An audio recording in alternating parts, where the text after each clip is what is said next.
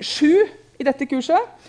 Uh, vi er på en måte, Etter å ha hatt en mer sånn generell del, så har vi begynt på de forskjellige tre tradisjonenes hellige tekster. Først hadde Diana Edelmann om de rabbinske tekstene. Forrige gang var det Terje Stordalen som både snakka om uh, den hebraiske bibel, som både er hellig tekst for jøder og kristne. Og nå er vi liksom over i de kristne tekstene, og neste gang så kommer Safed Bektovic, som er professor i islamsk teologi, og så kommer han og forteller om de islamske tekstene. Så nå er vi litt sånn inne i det litt mer sånn detaljerte for hver enkelt tradisjon.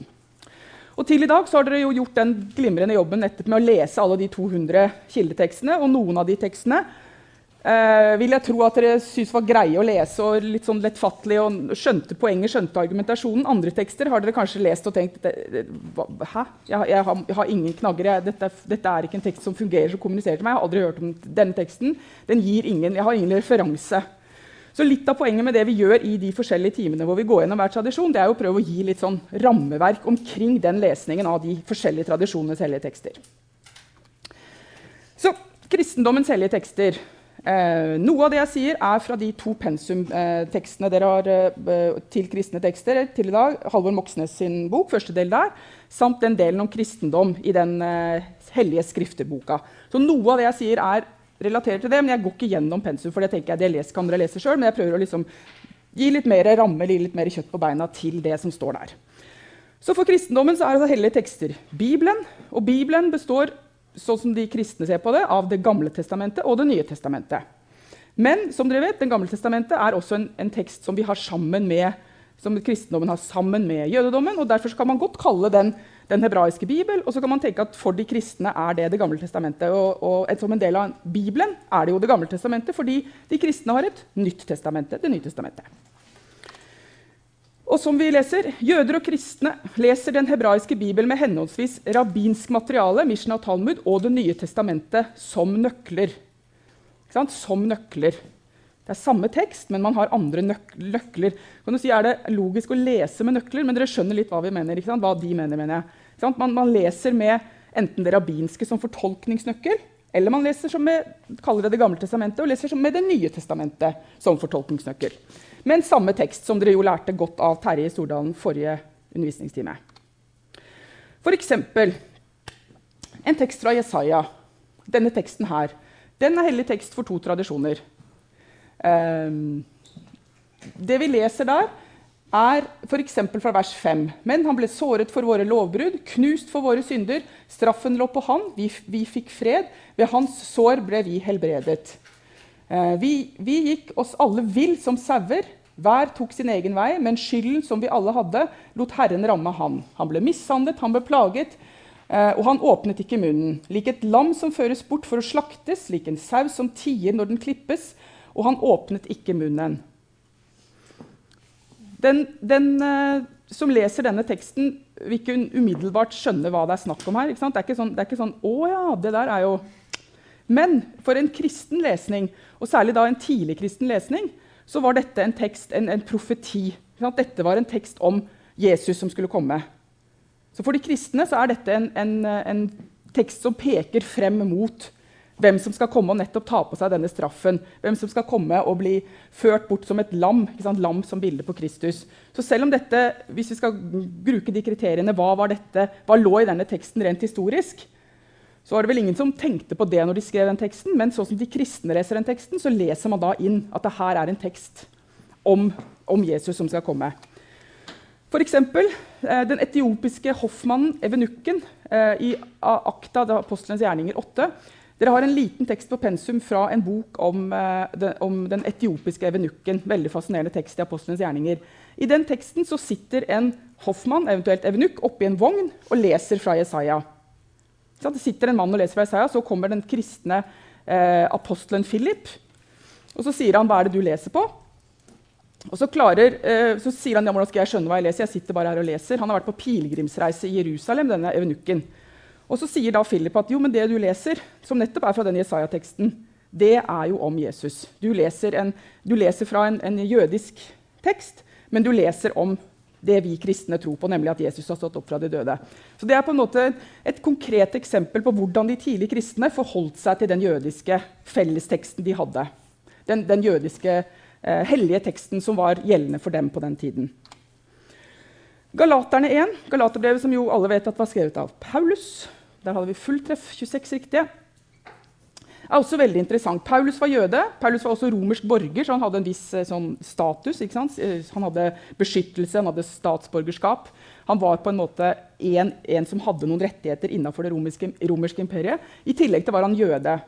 Og så er historien, i hvert fall, Hvis vi skal tro på apostelens gjerninger, så er historien at han, eh, og denne teksten at han forfulgte de kristne. Han var en veldig ivrig forfølger av de kristne, og han skriver da om seg selv i, i begynnelsen av Galaterbrevet.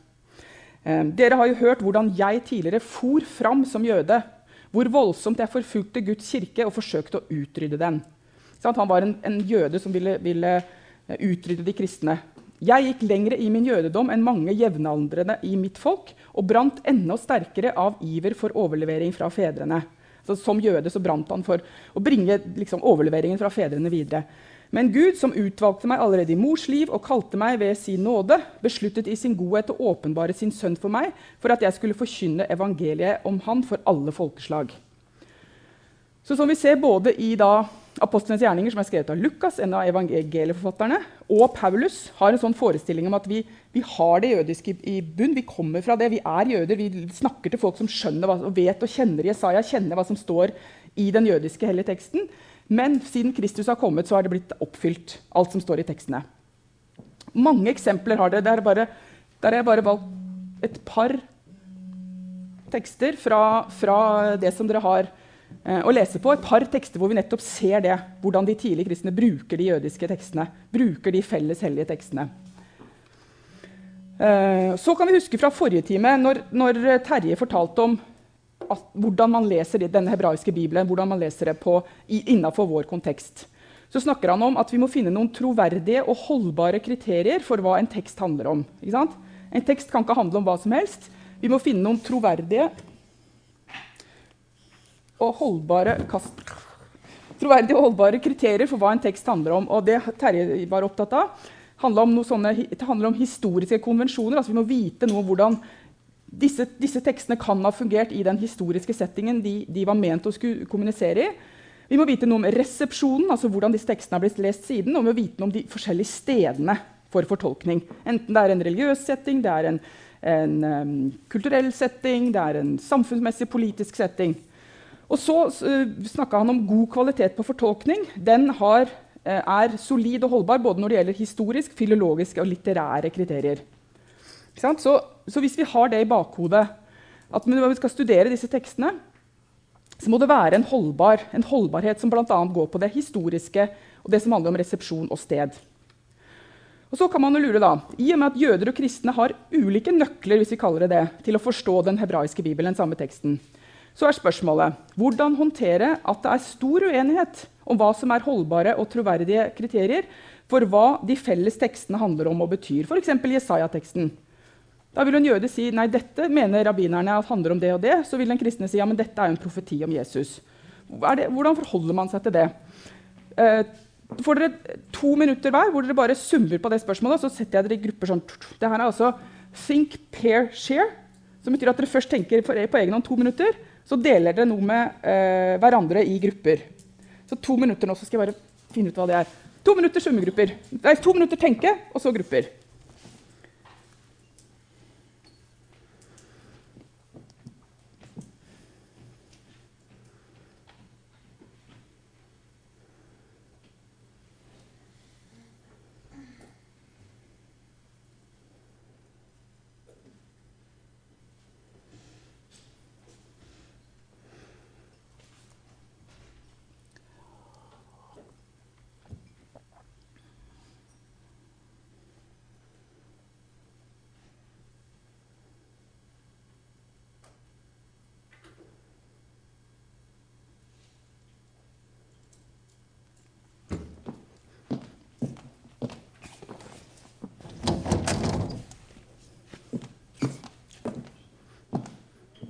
Så to og to om holdbare og troverdige kriterier. Hva gjør man når de er felles tekster? To og to sammen, så deler dere bare noen av, noe av det dere har tenkt om dette dilemmaet. Du, du får eventuelt bare snu deg eller sette deg der, eller ja.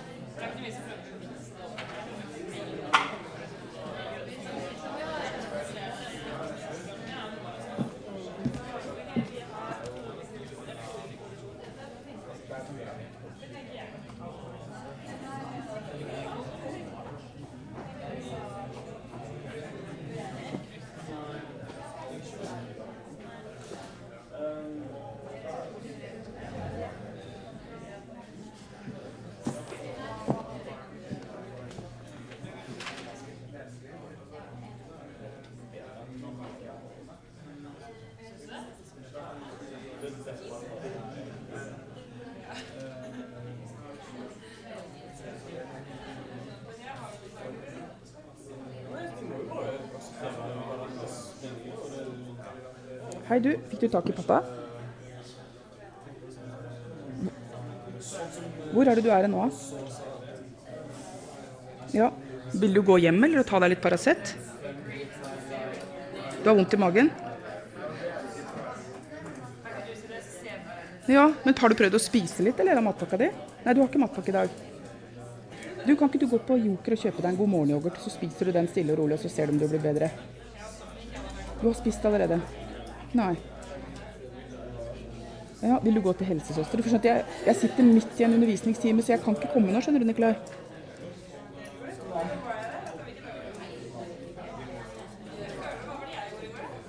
Ja, gi det, litt, gi det litt tid. Slapp av litt, og så, og så, kan du sende meg en tekstmelding, så skal jeg sende til læreren at du går hjem. Ok?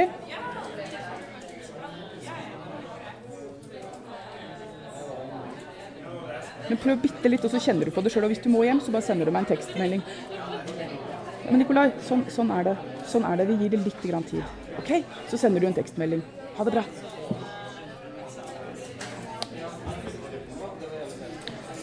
Yes, hallo, fant dere ut av det? Har dere noen, uh, har dere noen oppfølgingskommentarer eller spørsmål? Hva, hva, hva, er det slags holdbare og troverdige kriterier? Et par um, responser fra gruppene som dere har snakka i. Anyone? Ja? Eh, bak deg først. Ja, vi, vi, kom, vi kom inn på en litt sånn spenstig tanke her. Ja.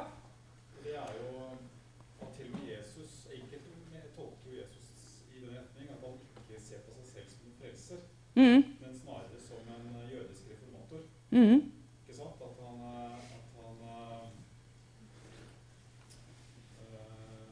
Det er klart en del, en del steder i Gifte som er litt problematiske. Sånn Men det er faktisk en av mange innfallsvinkler. Mm. At ikke Jesus så på seg selv. Jesus var en, en, jøde mm. som ønsket å reformere jødedommen. Mm. Ja, Det er ikke noe veldig radikal tanke, for å si det sånn. Det er det mange som tenker. Og at det nettopp var noen av de tidlige kristne som og at det etter hvert ble etablert en ny trosretning. At Jesus primært var en jøde som ønsket å reformere som mange andre ønsket å reformere.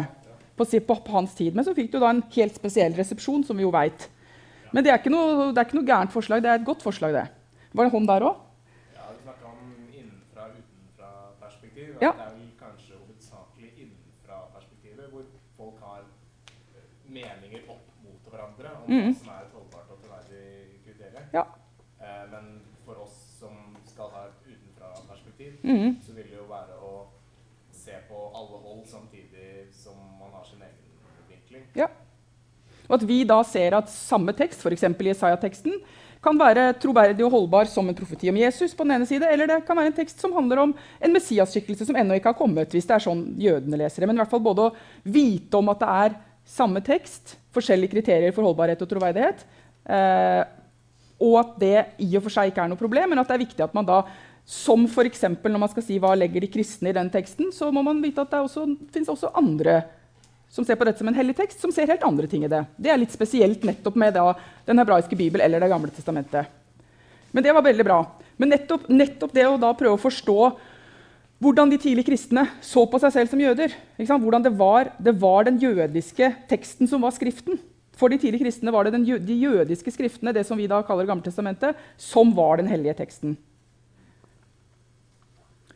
Eh, fra Det nye testamentet på dette kurset har vi som dere vet, valgt tre forskjellige tekster. Vi har valgt Markusevangeliet, Galaterbrevet og Johannes' åpenbaring som primærtekster. som dere skal lese. Men i det, den pensumlitteraturen dere har, så går går, gås det gjennom alle alle evangelier, alle brev. Det står litt om hver tekst. Men vi har tenkt at nettopp ved å lese ett evangelium, ett brev, og så apokalypsen, så får dere eh, innafor tidlig kristen litteratur et ganske godt spenn. ganske god bredde. Men husk også dere, når vi snakker om hellige tekster for de kristne, det er ikke bare Det nye testamentet. Det gamle testamentet er også en del av det de kristne ser på som, som hellig tekst. Og ikke bare som en bakgrunn. Det, det, gamle testamentet har også en egenverdi innen kristendommen. Ikke bare som noe som er forlatt, men som også er hellig tekst.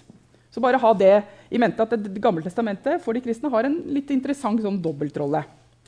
Og så igjen, Husk kriteriene når vi leser disse, både evangeliet og Galaterbrevet og Johans åpenbaring. Eh, historiske konvensjoner, resepsjon og sted, historisk, filologisk og litterært i forhold til hva som er god kvalitet på fortolkning. Men altså Det nye testamentet. Ulike stemmer, ulike skrifter, ulike, ulike sjangere. Jeg forutsetter på en måte at dere har eh, husker hva dere lærte i eh, tredje gym. Dere, jeg, jeg, går ikke inn Hva er evangeliet? Vi, vi, begynner ikke helt der. Jeg bare forutsetter at dere har liksom, litt sånn memory på, på, det dere har lært tidligere. Det fins seks fortellende tekster, resten brev i Det nye testamentet. Fire evangelier, og så har vi eh, Apostelens gjerninger og Johannes' åpenbaring. Det er på en måte fortellende tekster. Selv om de fire er veldig forskjellige, så er det fi, eller de seks er forskjellige, så er det de seks, og så er resten brev. Og, eh, helt overordna. Er ja, der sa jeg det. Brevene er fra Paulus og andre. Peter, Johannes, Jakob, Judas og noen anonyme brev. Ikke alle Paulus-brev er skrevet av Paulus. Det er også viktig å huske. Dere ser en liste Paulus brev til Paulus, og enten er det til menigheter eller til enkeltpersoner. Vi skiller mellom eh, ekte Paulus-brev altså, eh, På engelsk heter det 'undisputed'. Uomdiskuterte. De er ikke diskutert engang. Det er noen som er helt ekte Paulus-brev. Og så er det det vi kaller deutropaulinske brev. Og så har vi pastoralbrevene. Så det er Paulus-brev er både de vi tenker at er historisk skrevet av denne figur Paulus, og noen brev som helt sikkert ikke er det, og noen som antageligvis ikke er det. Men de er skrevet av noen som skrev i Paulus' navn, eller kanskje har en skole etter Paulus, eller disiplene etter Paulus. De, en måte, de, har en link til Paulus, men de har en både språklig og historisk og ja, flere kriterier som gjør at man kan klare å si at de brevene er nok Paulus, og de brevene er nok ikke Paulus. Men det er ikke sånn helt uh, vanntett, dette her, men det er liksom sånn oppdeling man pleier å ha. Så NB, alle Paulusbrev, er ikke Paulusbrev. Uh, de kristne ser på Nytestamentet som Guds ord og hellig tekst. Eh, begrep som åpenbaring og inspirasjon. Vi har ikke snakka så mye om det, hva det innebærer for de forskjellige trosretningene at tekster er hellige. Eh, men husk, når vi snakker om de kristne her, så snakker vi om stor, et stort bredde. Eh, katolske kirke, Østkirken, øst, de østlige kirkene, protestantiske menigheter. Vi snakker om et stort mangfold av kristne. Så det dere får nå, er på en måte en en syntese som er basert på, på, det som er gjeldende i Norge, men ikke bare. Norge og Europa er liksom vårt sted. Men som dere vet, Norge og Europa har jo ikke en, okay, Det er en, eh, i Norge en tidligere statskirke, en luthersk statskirke med, med, majoriteten av medlemmer, men mangfoldet av kristne i Norge er relativt stort. Katolsk eh, kirke, ortodoks kirke, masse frimenigheter, internasjonale kirker. altså Det er et stort felt. Så de kristne er egentlig akkurat som jødedom og islam også er sånne store sekkebetegnelser, er mangfoldige. Så bare ha det i bakhodet. Ja? Ja.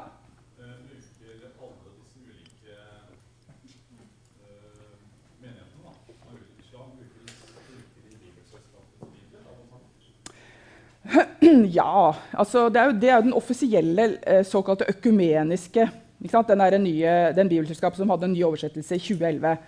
I utgangspunktet så, så, så, har den en sånn slags felleskirkelig status, men det er, det er oversettelser. Det er, det er, og også det at noen, noen, kirker har jo andre tekster inne, mer, de som kalles apokryfe.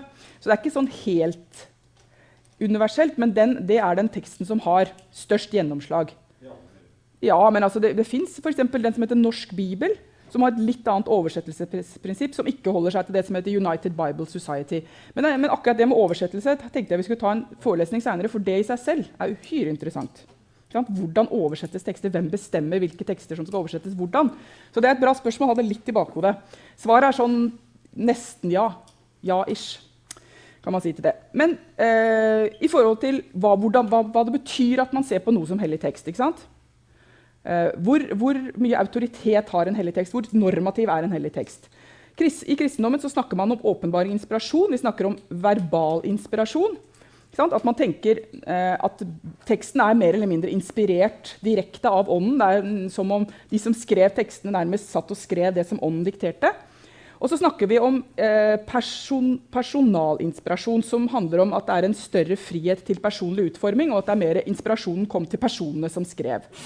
Sånn, de teoriene er sånn hovedtrekk hvordan man kan tenke eh, om, i forhold til inspirasjon. Men man kan også tenke, tenke mer sånn at teksten er åpenbaringer av ulike stemmers møte med det hellige. Altså, det fins flere sånn alternative teorier om hva man tenker innen kristendommen om den hellige teksten.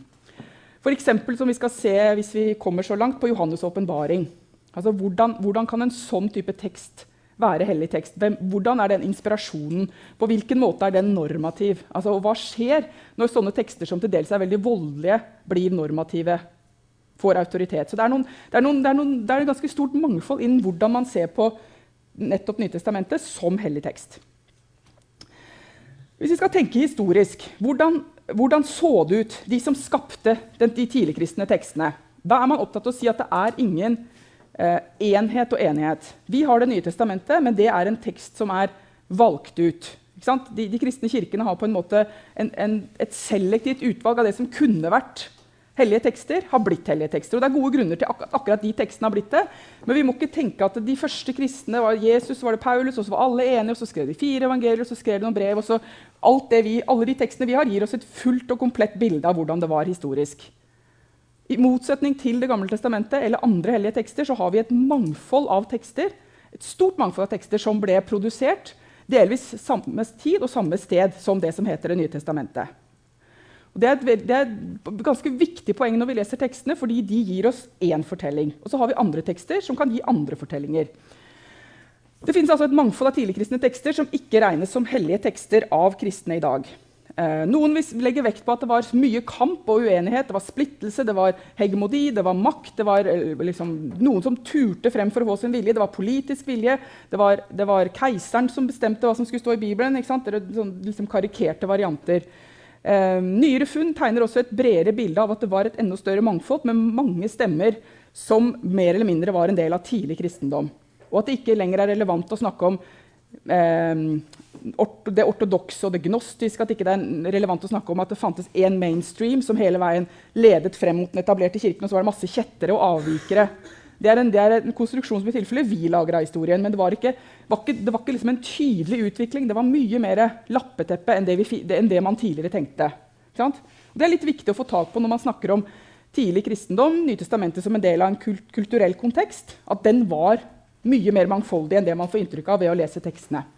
Og nettopp gjennom nyere tekstfunn så har man jo da eh, kunnet se på noen av de tekstene som man aldri har, har, kjent til før. Men man bare har hørt om at det var noen kjettere. Og så får man plutselig tilgang på de kjettertekstene, så ser man ja, men de kjetter, såkalte kjettertekstene sier jo egentlig det samme som de som var mainstream. Og så blir bildet ganske komplisert. Um, og det har også vært uenighet mellom ulike kirkesamfunn gjennom tidene. Uh, hvilke tekster som skal være med, hvilke tekster som ikke skal være med i det som er Bibelen, det som er den hellige teksten. Og Det er en ganske komplisert kanoniseringsprosess. Hva, hva, skal inn og hva skal ut, og hvilke tekster i den store enheten er inne. F.eks. var eh, kriteriene når Bibelen ble valgt ut, så var, det, var, det, var, man opptatt av at det skulle ha en apostolisk autoritet. At det var en av apostlene som kunne vitne om teksten. Man var opptatt av at tekstene skulle være allmenn kjent, ha en sånn allmenn eh, sirkulasjon, være kjent i kirkene. Og man var opptatt av at det skulle være overens med læren.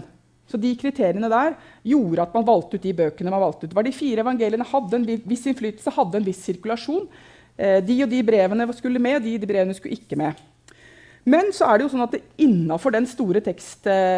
Eh, bolken, så var det jo noen tekster som hadde større, høyere status. Ikke sant? Det var for eksempel, til tider var det noen som mente at Lukasevangeliet var det viktigste. Noen mente Matteusevangeliet var det viktigste. Luther var veldig opptatt av Johannesevangeliet. Så hva som var liksom den egentlige kanoen inni der, det har det vært uenighet om, og delvis er uenigheter om også. For var også Luther da, imot at Jakobsbrevet var en del av Det nye testamentet. Fremdeles er Jakobsrevet en del av Nytestamentet, også i de protestantiske kirkene. Men, bare, men liksom så sent som på 1500-tallet kunne man til og med si ja, dette her, altså, denne kanonen er jo ikke lukket. Denne teksten, Jakobsbrev, peker jo ikke på Kristus, sa Luther. Den må jo ut.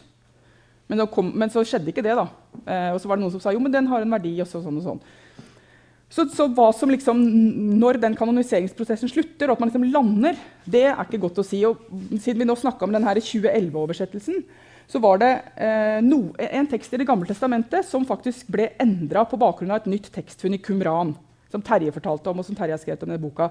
En nytt tekstfunn som, man, man, som man mente var eldre.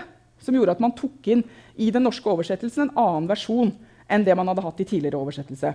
Så sånn sett så var jo ikke den kanoen lukka en, en, en, gang i 2011 her i Norge. Man var, var, villig til å ta inn noen flere setninger, så stort avsnitt, fordi det mente man var, det, var en del av den opprinnelige teksten. Fordi man fant et tekstfunn. Så det er på en måte vanskelig å si, at, eh, si at så, dette er en rett linje. Her er det en hellig tekst som, fra de tidlige kristne gjennom historien. og der har, den, der har, vi teksten sånn som den er. En mye mer komplisert prosess. Mye mer diskusjon, mye mer uenighet, mye mer, kanskje mer konflikt. Eh, kanskje har det vært noen som har tjent politisk på ting. kanskje har det vært, det er, det er på en måte, Disse tekstene har vært del av veldig mange andre prosesser. Nasjonsbygging i Danmark, Norge, oversettelsen av Bibelen til nynorsk som norsk nasjonsbygging. Disse tekstene har inngått i utrolig mange diskurser som nettopp har påvirka både hvordan man har sett på tekstene og hvordan man har lest tekstene. Vi skal ta en uh, liten uh, pause. Bare sånn, noen spørsmål sånn, før vi, Ett spørsmål, to spørsmål? Noen kommentarer? Ja, vær så god, bak der.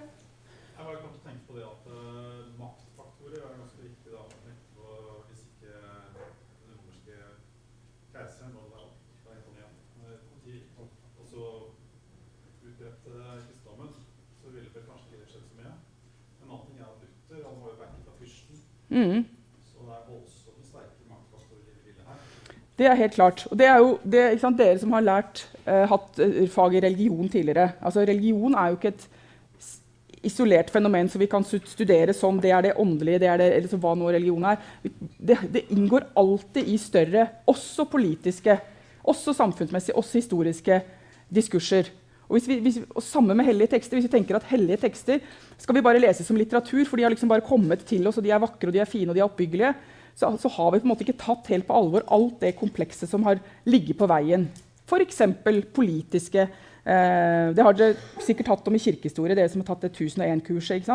Når hvor, Tidlig kristen tid, hvor viktig det nettopp var å diskutere hvilke tekster skal med, hvilke tekster skal ut. Eh, var, det, var, det, kanskje de biblene til Konstantin som gjorde som han bestemte at skulle være, var det kanskje der det først ble en bibel? Ja, nei. Så, så, det er bra du minner oss på det. det politis den politiske konteksten er alltid helt vesentlig når vi jobber med hellige tekster. 15 minutter pause fra nå.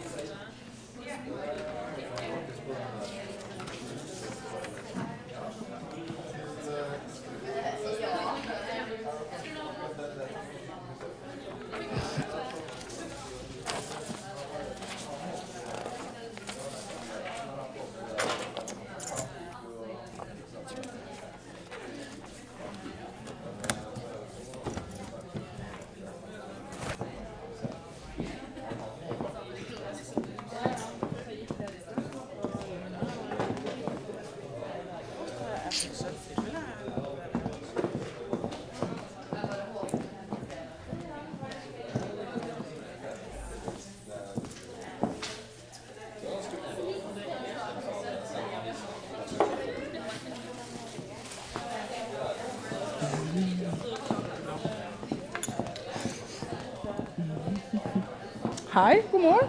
Du gikk glipp av Kahooten. Ja, nei, jeg satt utafor. Kom seint. Sånn er det. Yes.